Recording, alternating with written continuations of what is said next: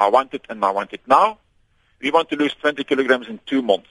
And those products sell extremely well because that makes you lose weight fast. 'n Soort credo van ons gejaagde tyd en dis juis by die aandrang op kitse oplossings waar die hakplek lê. As jy te vinnig gewig verloor, sal jy elke kilogram en heel waarskynlik meer onwelkome kilos optel, aldus Dr. Luke Evenepoel. Everybody has a different amount of fat that is normal for them on their body. Some people have a long nose, some people have a short nose, but we all have a normal nose. So some people have more natural fat on their body, other people have less. So if you want to go past your set point, you must go really gradual so your body doesn't notice it. And if you do that over 8 months or a year or a year and a half, your body won't notice it. Trouwens, Dr. Luke Evenepoel, medikus en skrywer van die boek Lose the Weight and Keep It Off, is teen alle dieete gekant. About dieting, two words. Don't diet. Don't diet. That might sound strange in a world where everybody is obese, but it has been proven over and over again that if you go on a diet, you will lose weight. Whichever diet you're going to go to, low carb, high fat, high carb, low fat, or some weird stuff like acai berry diet or the facial analysis diet or blood type diet, you always lose weight. But when you go off that diet and you haven't changed your habits, you're going to regain that weight and end up fatter than before. Boonop verloor jy nie vet nie, maar spiere en water. Die ander gevaar is dat jou liggaam sy metabolisme verstadig.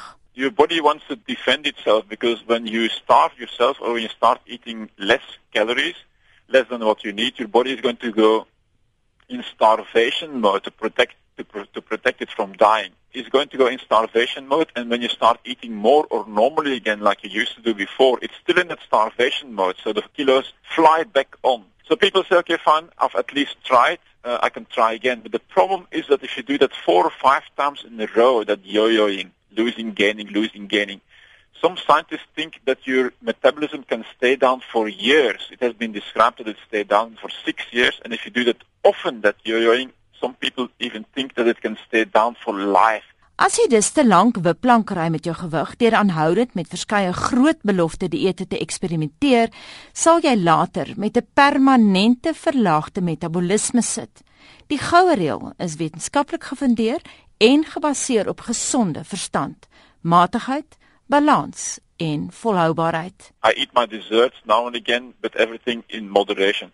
So my two golden rules are stay close to nature and everything in moderation. You can have your dessert or you can have a sweet, but now and again, not four times per day. En vir die wat wonder wat Dr. Luke Evenepoel bedoel by close to nature, die kort antwoord is bly weg van geprosesseerde kos. Don't eat stuff out of a package or that is wrapped in the supermarket. Eat stuff as nature provides it to you. Milk is fine, cheese is fine, bread is fine, but then eat proper bread, whole grain, not white bread. I don't think it's a problem if we increase our carbohydrate intake if that's like barley and millet, but it is a problem if we're going to go for refined stuff like cakes, biscuits, the mind-boggling amount of sugar that we eat now. If you look on your supermarket packaging, there is always sugar in it. En in baie gevalle is die suiker verskuil. Kyk maar weer na daardie blikkie boontjies en tomatiesous op die rak. En as jou oë regtig wil rek, gaan lees die etikettering op ontbytgraan op blikkies sop, slaaisouse, soetrussie souse en roomys. En koolhidrate het beslis 'n plek in 'n gebalanseerde dieet, mits dit nie geprosesseer is nie. To make a bread takes hours. The mixing, kneading, fermenting, baking hours. Now industrial bread is made in a couple of minutes. It's not good for you. If you mix a high GI product with a low GI product like a vegetable or something, the whole thing becomes moderate or low GI. So basmati rice is fine, brown rice is fine, the other rice is also fine, but everything in moderation and eat it together with something else, not on its own. Dr. Luke Evenepoel, skrywer van Lose the Weight and Keep It Off, is 'n sprekende voorbeeld van wat hy predik.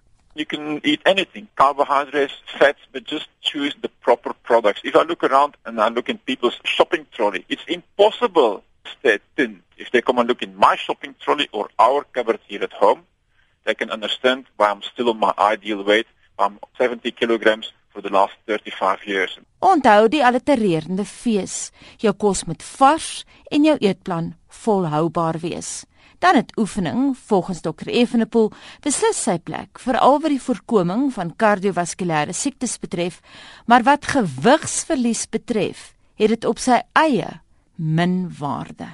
People might find it surprising that it comes from me, but exercise is vastly overrated for weight loss. It's absolutely essential for good health, but for weight loss, that's not the golden solution. 80% of weight control comes from proper eating and 20% comes from physical activity, and that has been scientifically proven. If you, for example, go to the gym and you stand on a treadmill for an hour and you burn 400 calories, you've really done your best. But if you're 10 kilograms overweight, per session, you burn like 50 grams approximately. You have to go for 200 consecutive days to that treadmill to burn 10 kilograms of fat. Nobody is going to do that.